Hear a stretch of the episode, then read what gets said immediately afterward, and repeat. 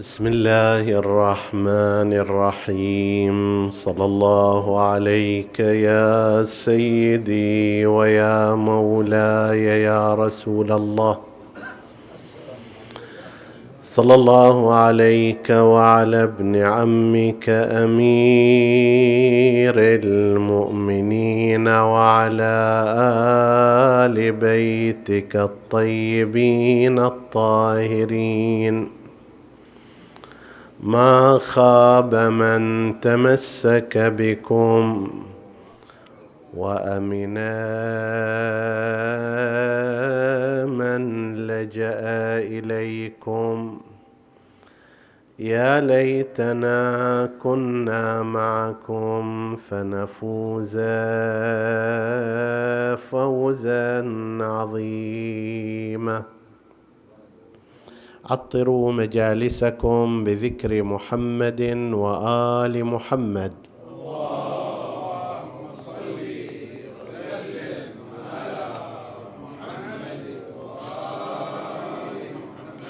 اللهم صل على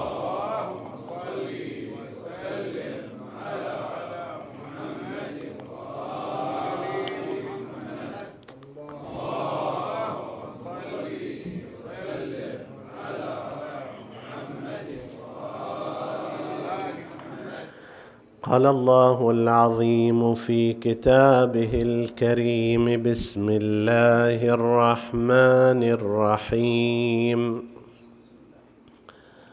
من عمل صالحا من ذكر أو انثى وهو مؤمن فلنحيينه حياه طيبه ولنجزينهم أجرهم بأحسن ما كانوا يعملون. آمنا بالله. صدق الله العلي العظيم. حديثنا بإذن الله تعالى في هذه الليالي سوف يتناول موضوع النساء في كربلاء. هناك الكثير من الحديث عن دور الرجال والأبطال والشهداء ويستحقون كل ذلك وفوق ذلك. ولكن كانت هناك أدوار متميزة للنساء اللاتي كن في كربلاء مع الحسين سلام الله عليه. ثم في الكوفة وربما في الشام. ولم يسلط في الغالب الضوء على حياه وشخصيات تلك النساء الطاهرات المجاهدات في سبيل الله الحاميات للنهضة الحسينية. ويحق لنا أن نتحدث عن هذه النماذج الطيبة اقتداء بالقرآن الكريم الذي لم يكتفي بالحديث على الأنبياء والمرسلين والأوصياء وإنما أيضا أشار وتحدث إلى النساء المؤمنات اللاتي كان لهن دور مهم ومتميز. فنراه مثلا تحدث عن آسية بنت مزاحم زوجة فرعون وضربها مثلا للذين آمنوا. وهذا يعني أنه شامل حتى للرجال فيما يرتبط بقضية الإيمان بالله والتمسك به وحماية رسوله بالرغم من البيئة السيئة التي كانت تعيش فيها وهذا يمكن أن يقتدي به الرجال والنساء.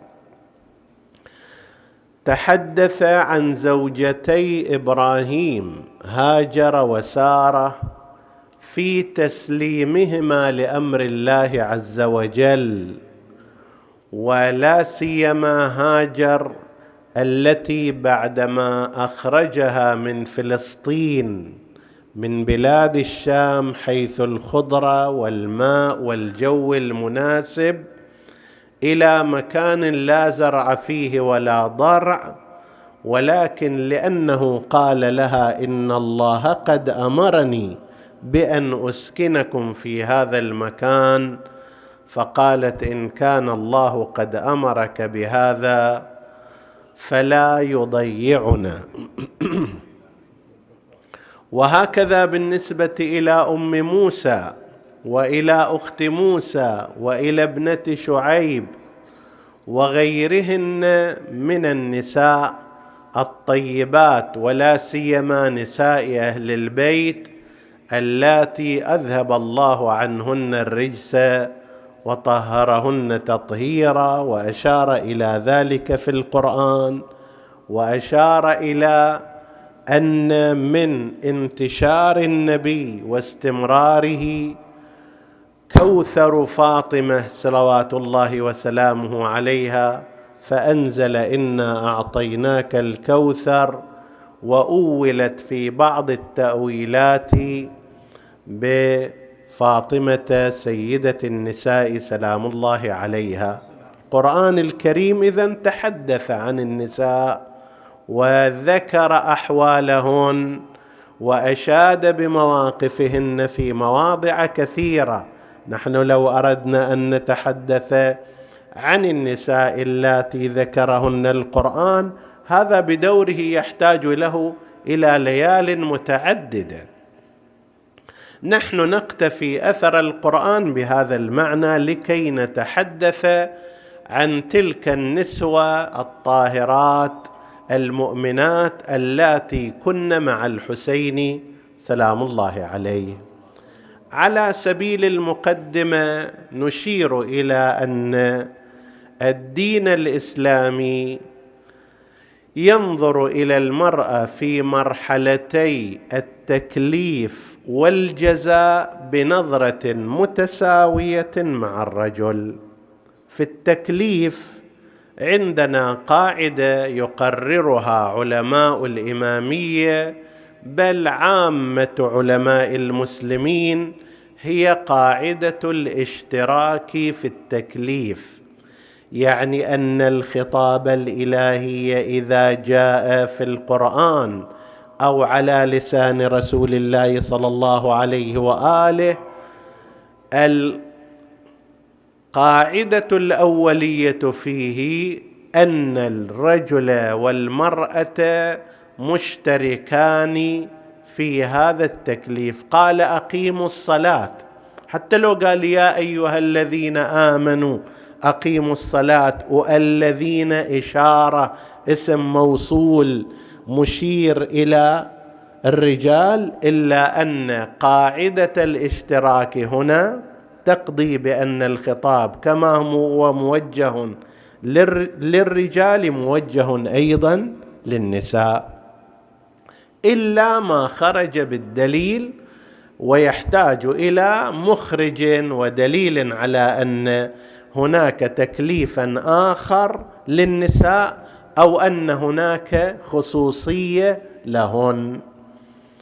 كذلك في مرحلة العطاء والجزاء بعد ما أتى وأتت بالعمل الذي كلف به كل منهما. المفروض أن كل منهما يحصل على نفس الجزاء ونفس العطاء بمقتضى العدالة وبما نصت عليه آيات القرآن الكريم فلن من عمل صالحا من ذكر أو أنثى وهو مؤمن فلنحيينه حياة طيبة ولنجزينهم أجرهم بأحسن ما كانوا يعملون.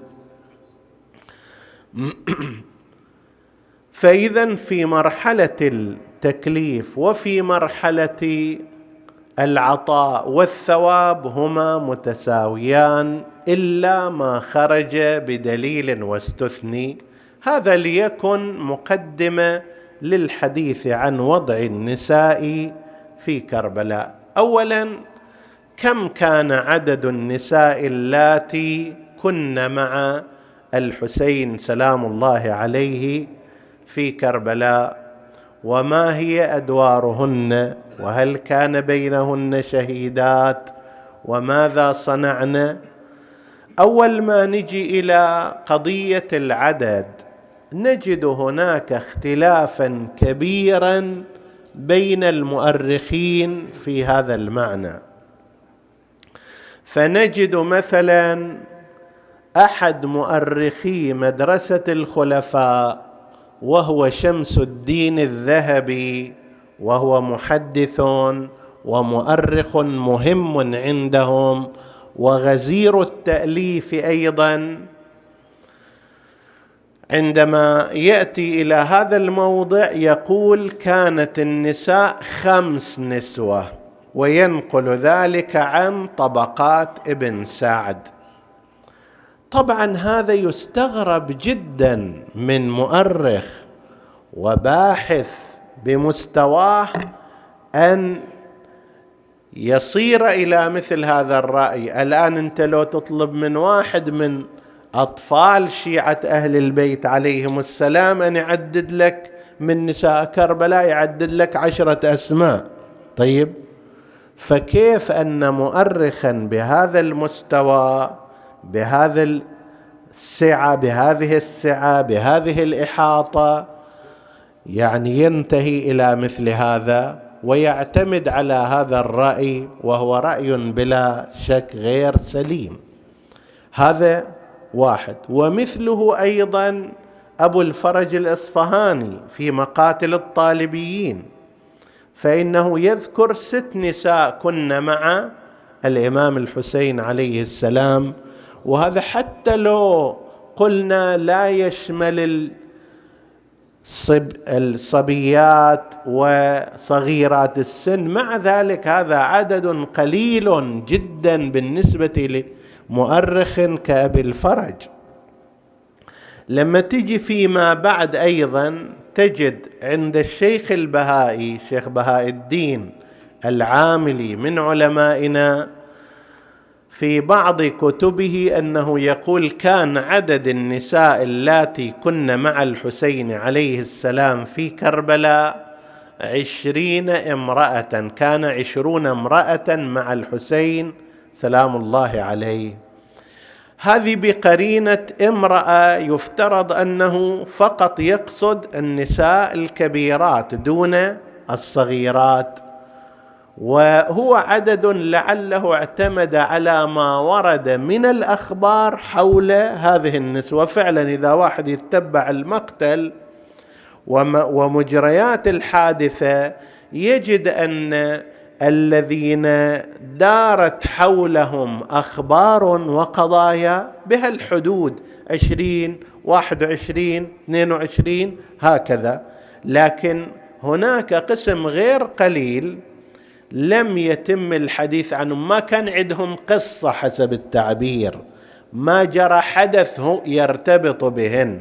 لكن هذا الشيخ البهائي العاملي من علماء الإمامية يقول كنا عشرين امرأة.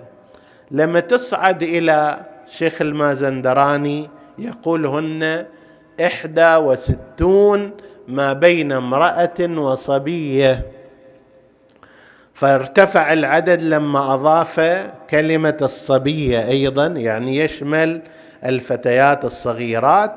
وأما الشيخ الكرباسي المحقق الكرباسي وهو معاصر صاحب كتاب أو موسوعة دائرة المعارف الحسينية وقد أشرنا إليها في بعض الأوقات. هذه موسوعة مفصلة جدا إلى الآن خرج منها مئة وثمانية عشر مجلد حول قضية كربلاء وما يتصل بها وخطتها أن تصل إلى تسعمائة مجلد.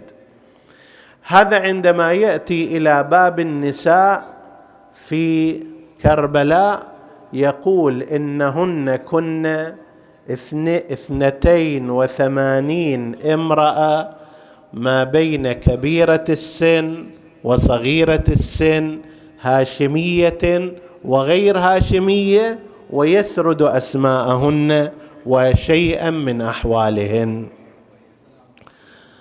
فاذا اولا هناك اختلاف في قضية العدد الذي يذكره المؤرخون بعض الأعداد المذكورة لا ريب أنها خاطئة مثل حكاية خمس نساء أو ست نساء. هذه بالبديهة بل بالضرورة هي غير صحيحة.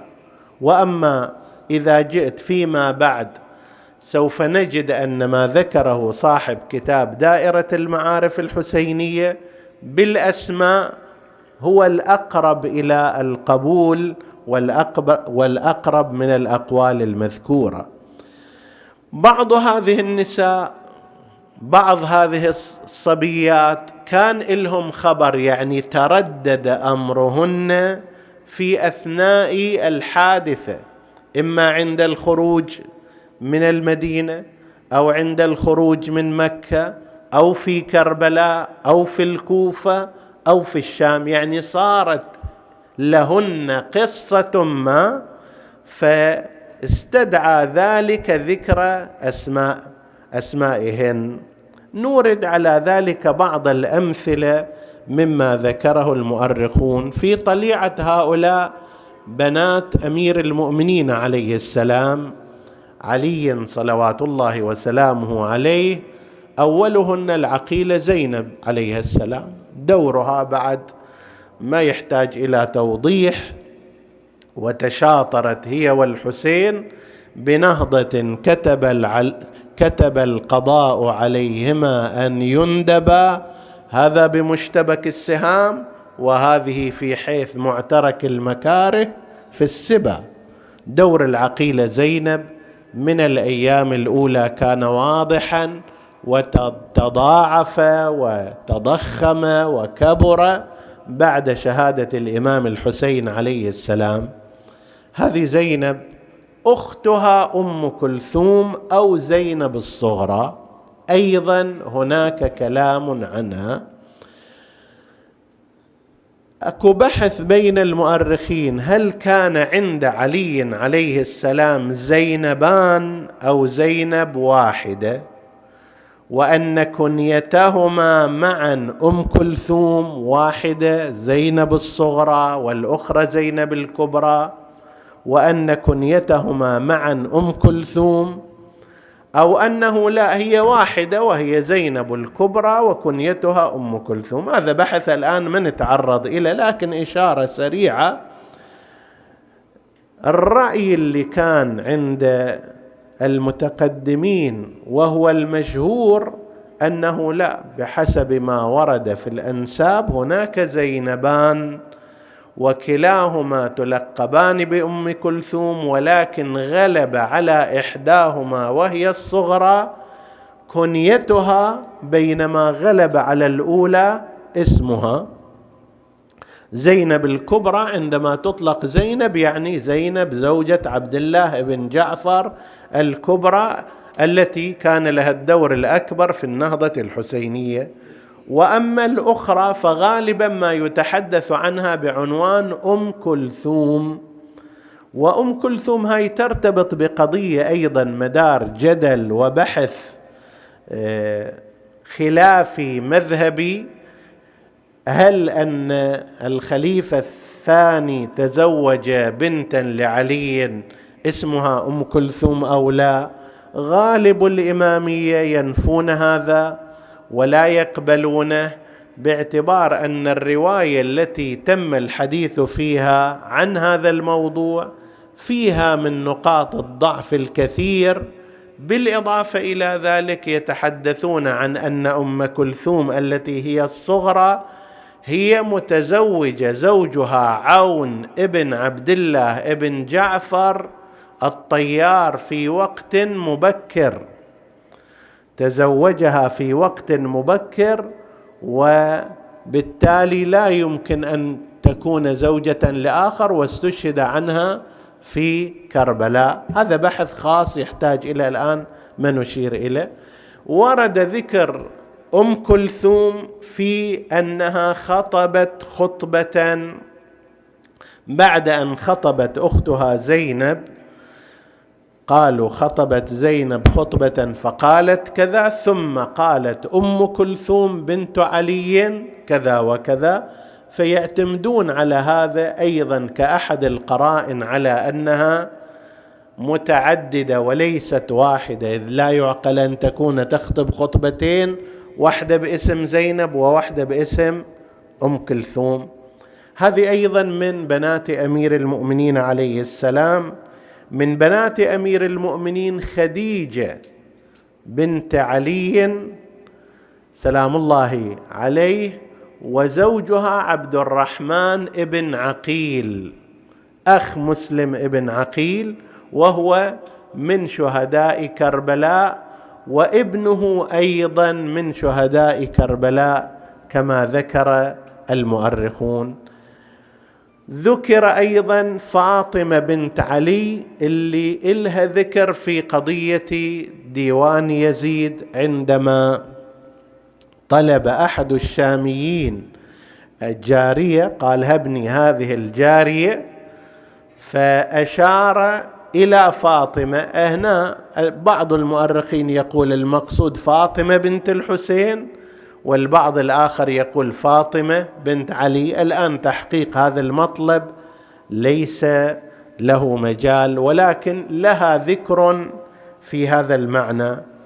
رقية بنت أمير المؤمنين عليه السلام أيضا في كربلاء وابنتها حميدة أو حميدة بنت مسلم. رقية هي زوجة مسلم ابن عقيل الثانية بعد رقيه الكبرى كما عليه بعض المؤرخين أن مسلم بن عقيل تزوج بنتين للإمام علي عليه السلام رقيه الكبرى وتوفيت سنة 45 هجرية ثم تزوج رقيه الصغرى أو الأخرى وأنجب منها حميده أو حميدة. فهذه من جملة بنات أمير المؤمنين عليه السلام. هناك من بنات الإمام الحسين سلام الله عليه معروف سكينة فاطمة وفاطمة أخرى بناء على رأي فاطمة التي أمها أم إسحاق كما سيأتي الحديث وفاطمة التي أمها الرباب أيضا على رأي فإذا له عدة نساء من بنات بالإضافة إلى نسائه زوجاته. صلوات الله عليه. أيضا كن في كربلاء قسم منهن وسيأتي في الأيام والليالي القادمة الحديث عن هذا الموضوع. من بنات الإمام الحسن أيضا قدر المتيقن أم الإمام الباقر عليه السلام زوجة الإمام السجاد فاطمة بنت الحسن. فاطمة بنت الحسن المجتبى الزكي زوجة الإمام السجاد وأم الباقر. ومقتضى القاعدة أن تكون هناك باعتبار أولا زوجها في هذه الرحلة موجود وثانيا ابنها إما كان عمره ثلاث سنوات أو أربع سنوات وليس معقولا أن تبقى مثلا في المدينة أو مكة وتترك ابنها في هذا العمر لكي يقاسي السفر. فمن بنات الحسن أيضا هناك بعض البنات الأخريات من بنات الحسين من آل عقيل أيضا ومن غيرهن من غير الهاشميات أو غير العلويات. هناك مثلا ما يذكره أرباب المقتل أنه لما استشهد مسلم ابن عوسجه الأسدي وفرح جند بني أمية خرجت جارية من خيامه تندبه وتقول ومسلماه وابن عوسجتاه بالتالي هذه كانت ترتبط معه برباط النكاح باعتبارها جارية له وكانت مع هذه النساء أيضا موجودة. كذلك أم عامر ابن جنادة هذا هو مع والده استشهد في كربلاء وأمه كانت موجودة. شاهد ذلك أن الغلام لما جاء إلى الحسين عليه السلام وطلب منه الإذن في القتال. قال الحسين عليه السلام كما ورد ردوا هذا الغلام إني أخشى أن أمه تكره خروجه لأنها لتوها قد فقدت زوجها. والد هذا استشهد فمن اجمع عليها ثكلين ومصيبتين في وقت واحد لعلها تكره خروجه. فقال له سيدي إن أمي هي التي شدت علي حمائل سيفي فأذن له وخرج في رجزه المعروف اميري حسين ونعم الأمير سرور فؤاد البشير النذير علي وفاطمة والداه فهل تعلمون له من نظير؟ هذه والدته أيضا كانت موجودة هنا. قمر بنت عبد وقد تكنى بأم وهب وهي التي كانت جاءت مع زوجها وهي حديثة عهد بزواج وكانت في أول الأمر تتأسف من أنها سوف تكون ثكلى بعد رحيل زوجها إلى المعركة لكنها بعد قليل وإذا بها تأتي لتشجعه قائلة قاتل دون الطيبين وأبناء الطيبين فقال لها كنت تنهيني عن ذلك فما الذي جرى؟ قالت لا تلمني إن واعيه الحسين قد قطعت نياط قلبي. فهذه امرأة من هذه النساء التي شجعت زوجها أيضا. أم هذا الرجل أيضا كانت في المعركة وشجعته وقالت له في أول الأمر اعزب عن رأيها يعني لا تسمع كلام زوجتك في أن لا تذهب. ولما حمل وأثخن في الأعداء جرحا وقتلا وعاد أرضيت يا اماه قالت لا أرضى حتى تقتل بين يدي ابن بنت رسول الله. صلى الله عليه وآله وهي أيضا فيما بعد ستصبح من ضمن الشهيدات في كربلاء. إذا صار لنا حديث عن الشهيدات نأتي على ذكرها إن شاء الله. وغير هذه النسوة أيضا كن في تلك الأجواء كن في كربلاء بالطبع عندما خرجت هذه النساء من كربلاء باتجاه الكوفة تقلص العدد إلى درجة كبيرة. يعني إذا كان 82 واستشهدت منهن كما ورد في التاريخ قريب خمس من النساء راح يقل العدد إلى ستة وسبعين تقريبا. وهناك في الكوفة سوف يتناقص هذا العدد باعتبار أن قسما من النساء كانت الكوفة مسكنهن. ترد مثلا الآن جارية مسلم ابن عوسج الأسدي. مسلم بن عوسجه من أهل الكوفة ومستقر فيها. الآن هذه المرأة رجعت بالتالي رجعت إلى مجتمعها الطبيعي. فمن الطبيعي أن تنسحب وأن تذهب إلى أهلها وإلى مضارب قومها. وهكذا نساء أخريات أيضا ما بين كلبية وكندية وغير ذلك هذول مجتمعهم الطبيعي كان مجتمع الكوفة وقسم منهن توسط في أمرهن أقارب وشخصيات في الكوفة فأخرجنهن من السبي ولم تبق إلا بنات. رسول الله بنو هاشم. هذه الأسرة التي أمر الله سبحانه وتعالى عباده بأن يأخذوا عنها وأن يكرموها بل جعلها دلالة الناس إلى الجنة بمقتضى حديث الثقلين إني تارك فيكم ما إن تمسكتم بهما لن تضلوا من بعدي أبدا. حتى عند القوم. كتاب الله وعترتي أهل بيتي حتى عند القوم. وإن كانوا يقتصرون على التوصية بهم. أذكركم الله في أهل بيتي. أذكركم الله في أهل بيتي. فلا والله ما رعيت وصية رسول الله صلى الله عليه وآله.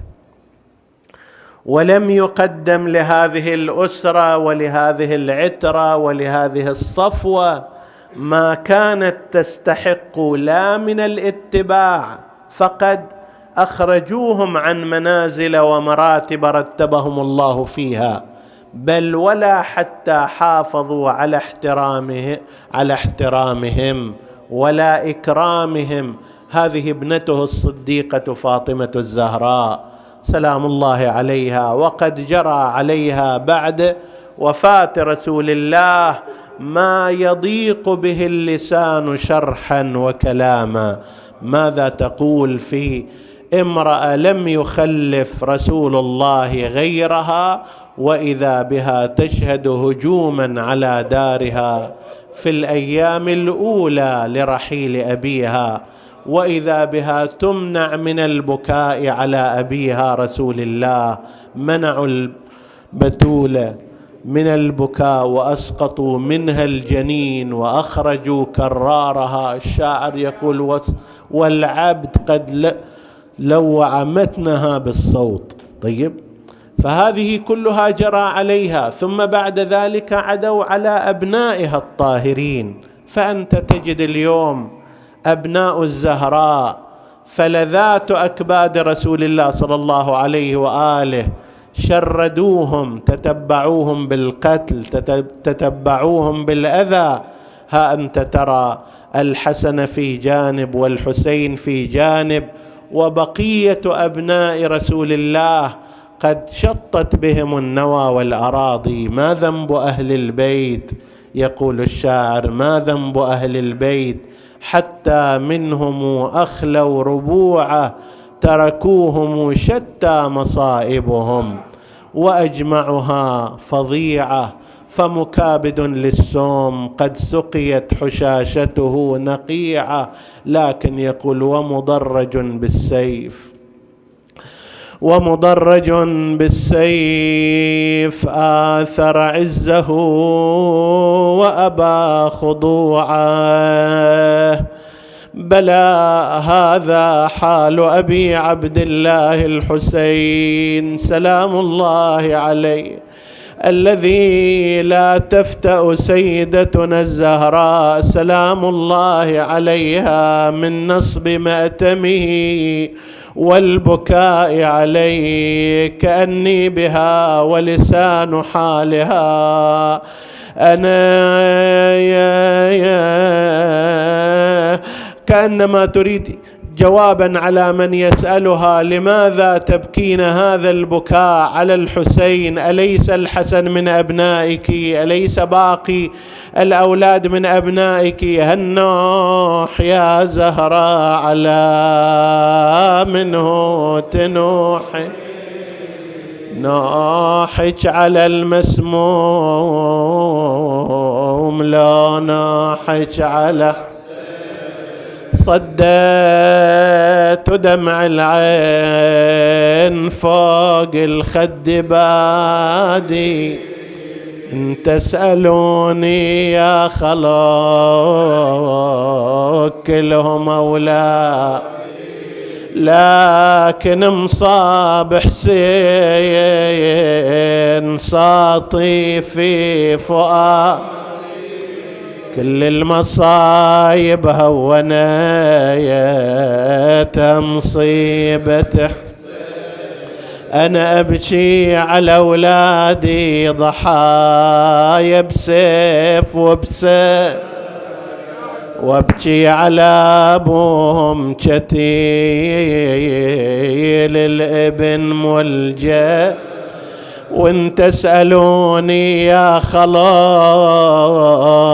عن ياه وعظم أعظم علي لون عن ناعي على أنا أبكي على أولادي ضحايا بيوم عاشور. لنصب عليهم ماتمي في وسط القبور ونسيت ضلع اللي بصير الباب مكسور كل المصايب هونيتها مصيبته بلى جمعت مصيبة الحسين جميع المصائب وكأنها تستسعف الناس كأنها تناشد وين اللي يساعدني يا شيعة على حسين وأولاده ورضيعه وابن والده حامي الطليعه أبو فاضل أبو فاضل جفوفه قطيعه نسألك اللهم وندعوك باسمك العظيم الأعظم الأعز الأجل الأكرم يا الله. اغفر لنا ذنوبنا كفر عنا سيئاتنا آمنا في أوطاننا. لا تسلط علينا من لا يخافك ولا يرحمنا. ولا تفرق بيننا وبين محمد وآله طرفة عين. احفظ اللهم إخواني الحاضرين فردا فردا واقض حوائجهم. اشف اللهم مرضاهم لا سيما المرضى المنظورين. اللهم اشفهم بشفائك داوهم بدوائك عافهم من بلائك بمحمد وآله أصفيائك. إلى أرواح موتى المؤسسين والسامعين نهدي ثواب الفاتحة تسبقها الصلوات.